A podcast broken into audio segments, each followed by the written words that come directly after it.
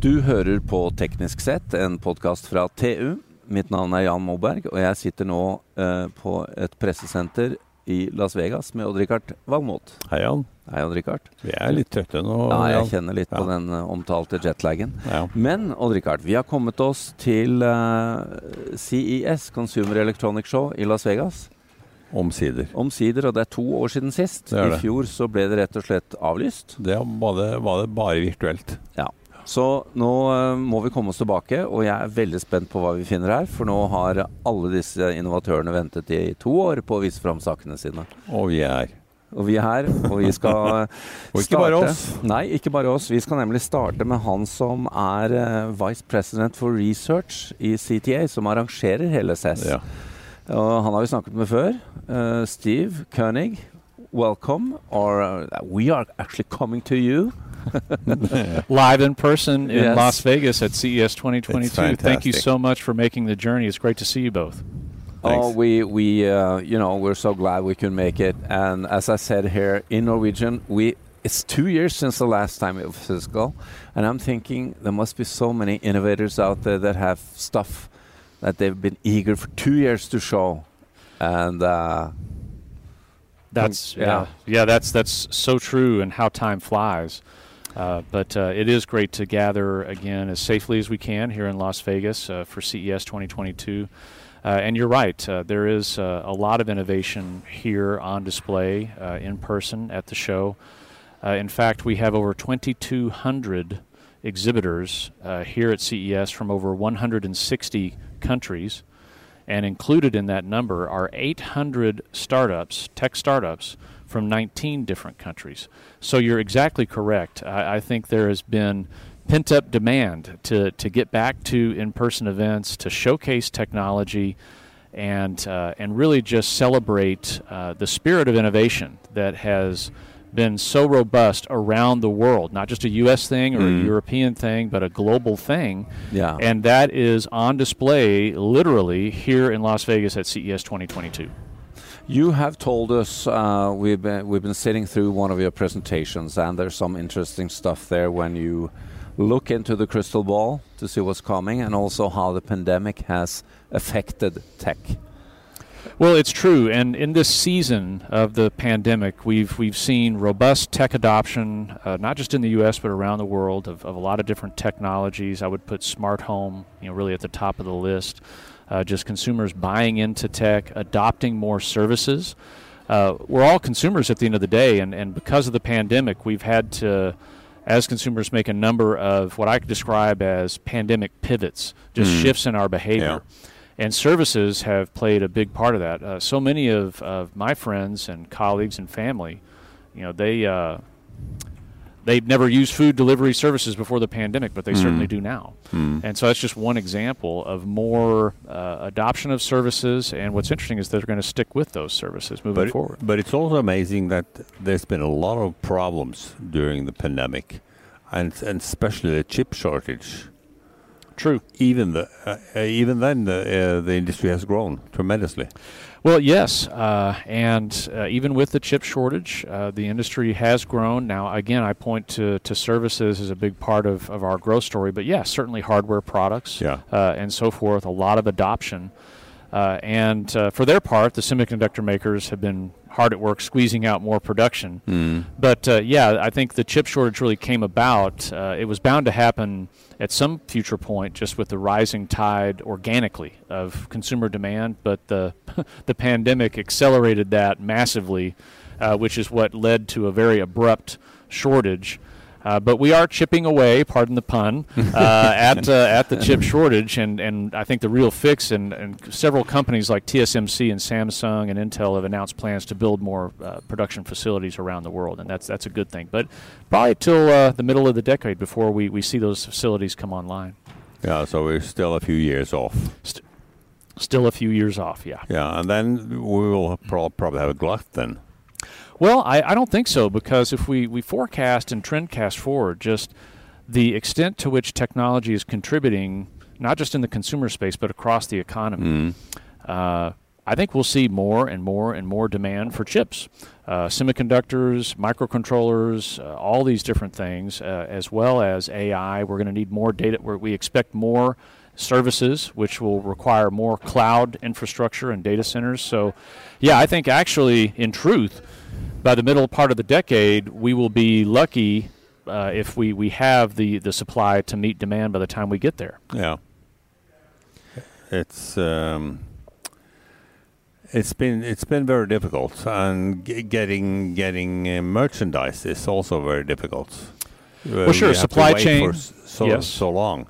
Yeah, supply chain has definitely been a friction point, not just for tech, but for for every other uh, consumer product sector. Mm. Uh, if you like, and, and even in the enterprise, we're getting materials uh, for various building projects and so forth. Uh, but that too, I think we're, we're starting to unwind uh, some of that. Uh, but that's going to take time. The pandemic has changed a lot, uh, and it's introduced a number mm. of new challenges, and we're working through those. Uh, but most significantly, I think here at CES, we're we're also seeing a lot of solutions to some of these problems that have been brought yeah. into sharp relief by the pandemic. And supply chain is one of those when we think about 21st century logistics and self-driving trucks. Yeah. So this is just another thing that CES is good at is, is, is bringing forward ostensible solutions to, to real world problems, global problems. And one thing that I'm particularly uh, uh, intrigued with is is the um, the travel that the CES itself has taken. I mean, the, it's not that many years ago. I was in North Hall and it was mostly full of cars with stereos in them. Uh, but now you have big transportation setups. I mean, you're talking about flying taxis and you're talking about autonomous vehicles. I mean, this has become um, sort of the showcase for that kind of technology as well. Yeah, I think going back several years, five to eight years, uh, CES uh, became a major waypoint on the automotive calendar globally. Uh, and the reason for that is 100% to do with tech and yeah. just more tech and, and consumers wanting the latest tech and connectivity support in their vehicles, connected services, and so forth, safety sensors. We think about uh, advanced driver assist, you know, lane departure warnings, parking assist, crash avoidance, all these safety features. These are all fantastic improvements uh, in in the automotive space, the driving experience uh, electric vehicles, uh, no longer having, you know, freed from having to, to pay at the pump uh, anymore. And I, I, know electric vehicles uh, are very popular and probably one of the densest places in the world in terms of electric vehicle ownership. So Norway it leading is. the way, leading the way, which is great to see. And having having been to Oslo a couple times, uh, it it is truly remarkable. And I think uh, when we talk about crystal balls, I, I, think I think just walking around downtown Oslo and looking at all the Teslas and other electric vehicles, that's a glimpse into the future because I think we'll see more of that worldwide in the decade to come.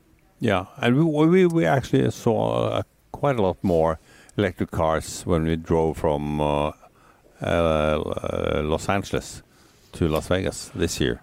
Yeah, uh, electric vehicles are, are definitely catching on globally, and we, we actually just did some research here in the U.S. Uh, amongst uh, U.S. adults and talking about their plans for, for buying their next car, and 39% said that they would consider either a plug-in hybrid or a fully electric vehicle. Uh, so that just underscores that I think the, the genie is out of the bottle for, for electric vehicles. Mm. People have seen them on the motorways. They've talked to friends, mm. maybe family that have owned one. It's a great experience. Mm. And there is a still, our, our research has shown there's still a little bit of distance anxiety. Just how far yeah, can I go on a charge? Yeah. But this is, again, here at CES, a lot of charging solutions so we can have more charge points along the highways you know, going say between Trondheim and, and Oslo, you can charge up a bit more, mm. uh, so you don't have to worry about making it on one charge, mm. uh, for example. But also battery technology, just able to hold more juice, uh, yes. if you like, and lighter, smaller, uh, not heavier or, or, larger. So great innovation for electric vehicles. But Steve, if if you look into your crystal ball, what do you see? What kind of what kind of consumer area will grow the most? Will be the most interesting going forward? Well, most interesting, and I think grow the most, and this is a long term story, though, it has to be metaverse. Uh, yeah. Uh, which we're just now beginning to talk about. And I would say where we are with the metaverse today is very similar to where we are back in the early 90s with the internet and our 56K modems and, and dial up technology. Uh, back then, it was certainly, we, we could not have even imagined. Uh, it was sci fi, the, the things that we're doing online today. And so I think similarly, when we think about the metaverse, uh, this is not something that's just going to happen and like, okay, now we have the metaverse. It's going to be an evolutionary story, probably over the next 20 years. But what is the metaverse, and what does that mean? And to me, that means uh, these. It's really the next generation of the internet, which again, we know the story of the internet. That's evolved over the past basically roughly 30 years. And uh, the metaverse is that next generation of the internet that will deliver increasingly immersive digital experiences and those immersive digital experiences will eventually become inextricably linked with our physical reality. We we have gotten some teasers from uh, from companies uh, wanting to demonstrate uh, holographic experiences here, and uh, and that's you know we we really look forward to seeing that, and that's a part of it. Yes. Yeah. And, and when all these pieces come together, it's it's going to be quite something different. But will will uh, Richard and I be uh, be experiencing it, or or are we too old? will, he, will he accept us? yeah. Yeah. Exactly. Well. Uh, I, I, think actually uh, a lot of us uh, are going to be able to experience what I would describe as metaversian type endeavors. Uh, again, this is an evolutionary story, but that's what's exciting is that we're going to participate, all of us, in the creation and manifestation of this metaverse. And, and to be clear, this is not just about Facebook. Absolutely, I think that's a really a core question today. Is is where our metaversian kind of experience is going to happen first? Is it going to be in the consumer space, gaming, social media, mm. or is it going to be in the enterprise space with like virtual business, training? Uh, business, yeah, business, B two B, B two B. Yeah, so we'll find out. Yeah, and, and those new solutions for holographic uh, communication instead of just sitting on Teams is going to be one part of it, and that's going to be.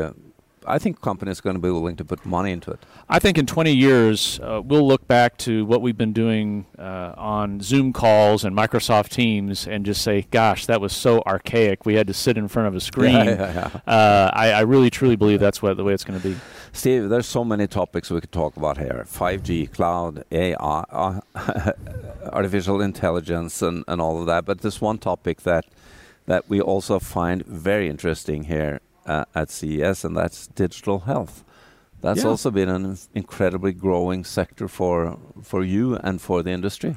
Well, and for obvious reasons, uh, in this season of the pandemic, I, I, yeah, I would put digital health at the salient of innovation in many respects, not just in the consumer space mm. and wearables, but also in provider solutions. Just thinking about, we talked earlier about services and the importance of service services. Uh, telemedicine. I mean, that's really reshaped the nature of care uh, certainly for working parents, they, they don't have to take their kid every time their kids get a sniffle. They don't have to take him down to the doctor's office. They can just pop online and get a prescription.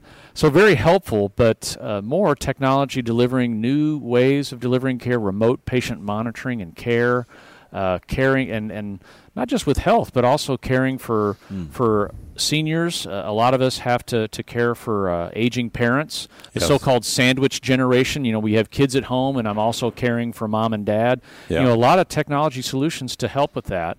So, smaller, lighter sensors, wearables, people managing chronic disease, the list goes on. Just so many wonderful things happening uh, for in digital health, which is why we say it all adds up to just tech for good and making life better. So in a few years, the kids are going to pop us full of sensors, so they, they don't need to visit us.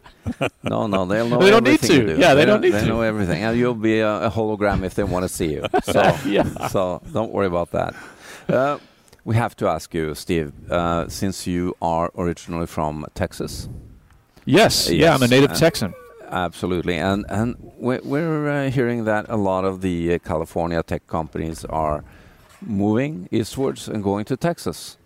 Why? Why? Uh, why? Well, as a native Texan, uh, I just have to respond with why not? it's it's a great state, uh, low cost of living, but but you're I, also in this great industry, and you see it from more of a, a more, of course, a more uh, serious angle. But but have um, Silicon Valley become too small, too crowded? Well, I think uh, Silicon Valley is very competitive. Uh, businesses are looking for an edge, and I think they're uh, they're also looking for an environment where people want to live and work, uh, raise a family. So I think this is why a lot of tech brands uh, like Samsung that is planning to build a chip making facility in, in Texas. They're they're looking at Texas and other states uh, Yeah. around around America uh, as alternatives to maybe the usual suspects like car Yeah. manufacturing in Detroit. Well, it can happen in a lot of different places Yeah. and a lot of states and locality, not just Texas. Arizona uh, are competing. Yeah, Arizona, uh, the Carolinas, lots of places are competing uh, at the state level for to attract these businesses. Why? Well, because it creates jobs, and that's good for the local economy, and that, that supports their their tax revenues and so forth. But it's also just you you have to. Uh, you have to train workers and have the workforce, and obviously there's a lot of competition when it comes to tech in, in, in California. So, a business decision to, to to increase competitiveness and profitability. Norway is a bit like Texas, uh, heavy on oil and gas, and a lot of people employed within that sector. So, what could we do in Norway to to get these companies to come to little uh, Norway? Anything at all? Well, the good news is that most Norwegians I know speak very good English, so you're already ahead of the curve there. But uh, but uh, in any case, you know, thinking about maybe an American uh, tech company in particular. But yeah, I, I think this is. Uh, we've talked about different states uh, in America, but you raise a great point. It, it's it's beyond America. It's it's a country level. So in the semiconductor arena, uh, what we expect to see is more of these new chip making facilities are built. They'll be built in America, but also places in Europe.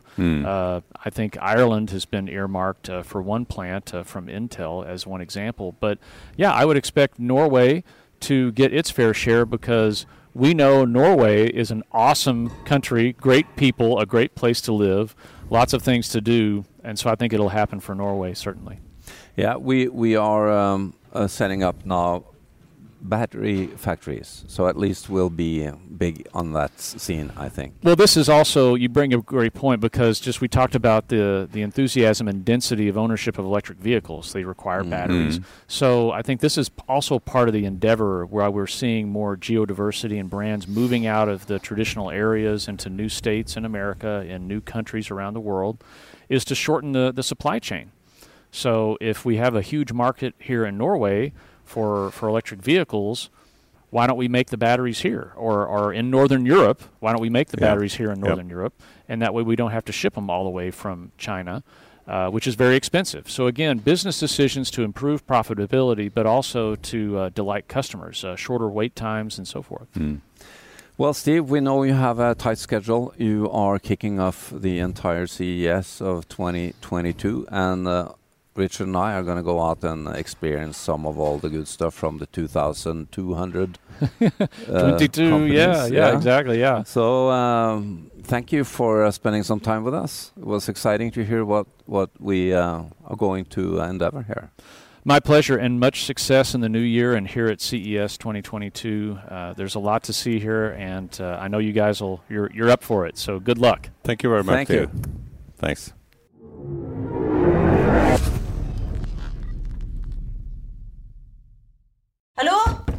Oslo politikammer.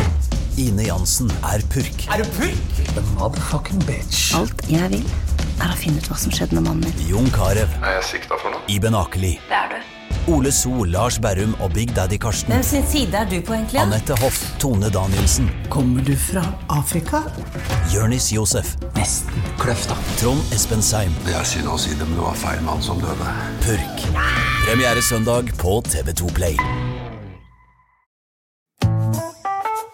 Har du et enkeltpersonforetak eller en liten bedrift? Da er du sikkert lei av å høre meg snakke om hvor enkelt det er å sende faktura med fiken. Så vi gir oss her, fordi vi liker enkelt. Fiken superenkelt regnskap. Prøv gratis på fiken.no. Driver du en liten bedrift? Da tenker du sikkert at dette er en reklame for fiken. Men det er det ikke, for vi er Folio. Folio er en banktjeneste for bedrifter, og vi er fikenbrukerne sin absolutte favoritt. Med Folio får du nemlig en superenkel nettbank og kjappere regnskap. Dessuten får du påminnelser om alt du ellers må huske på. Med Folio er alt samlet på ett sted, og du får umiddelbart kontroll over utgifter og kvitteringer. Besøk folio.no og se hvorfor bedrifter foretrekker oss fremfor de store bankene. Folio smartere enn banken.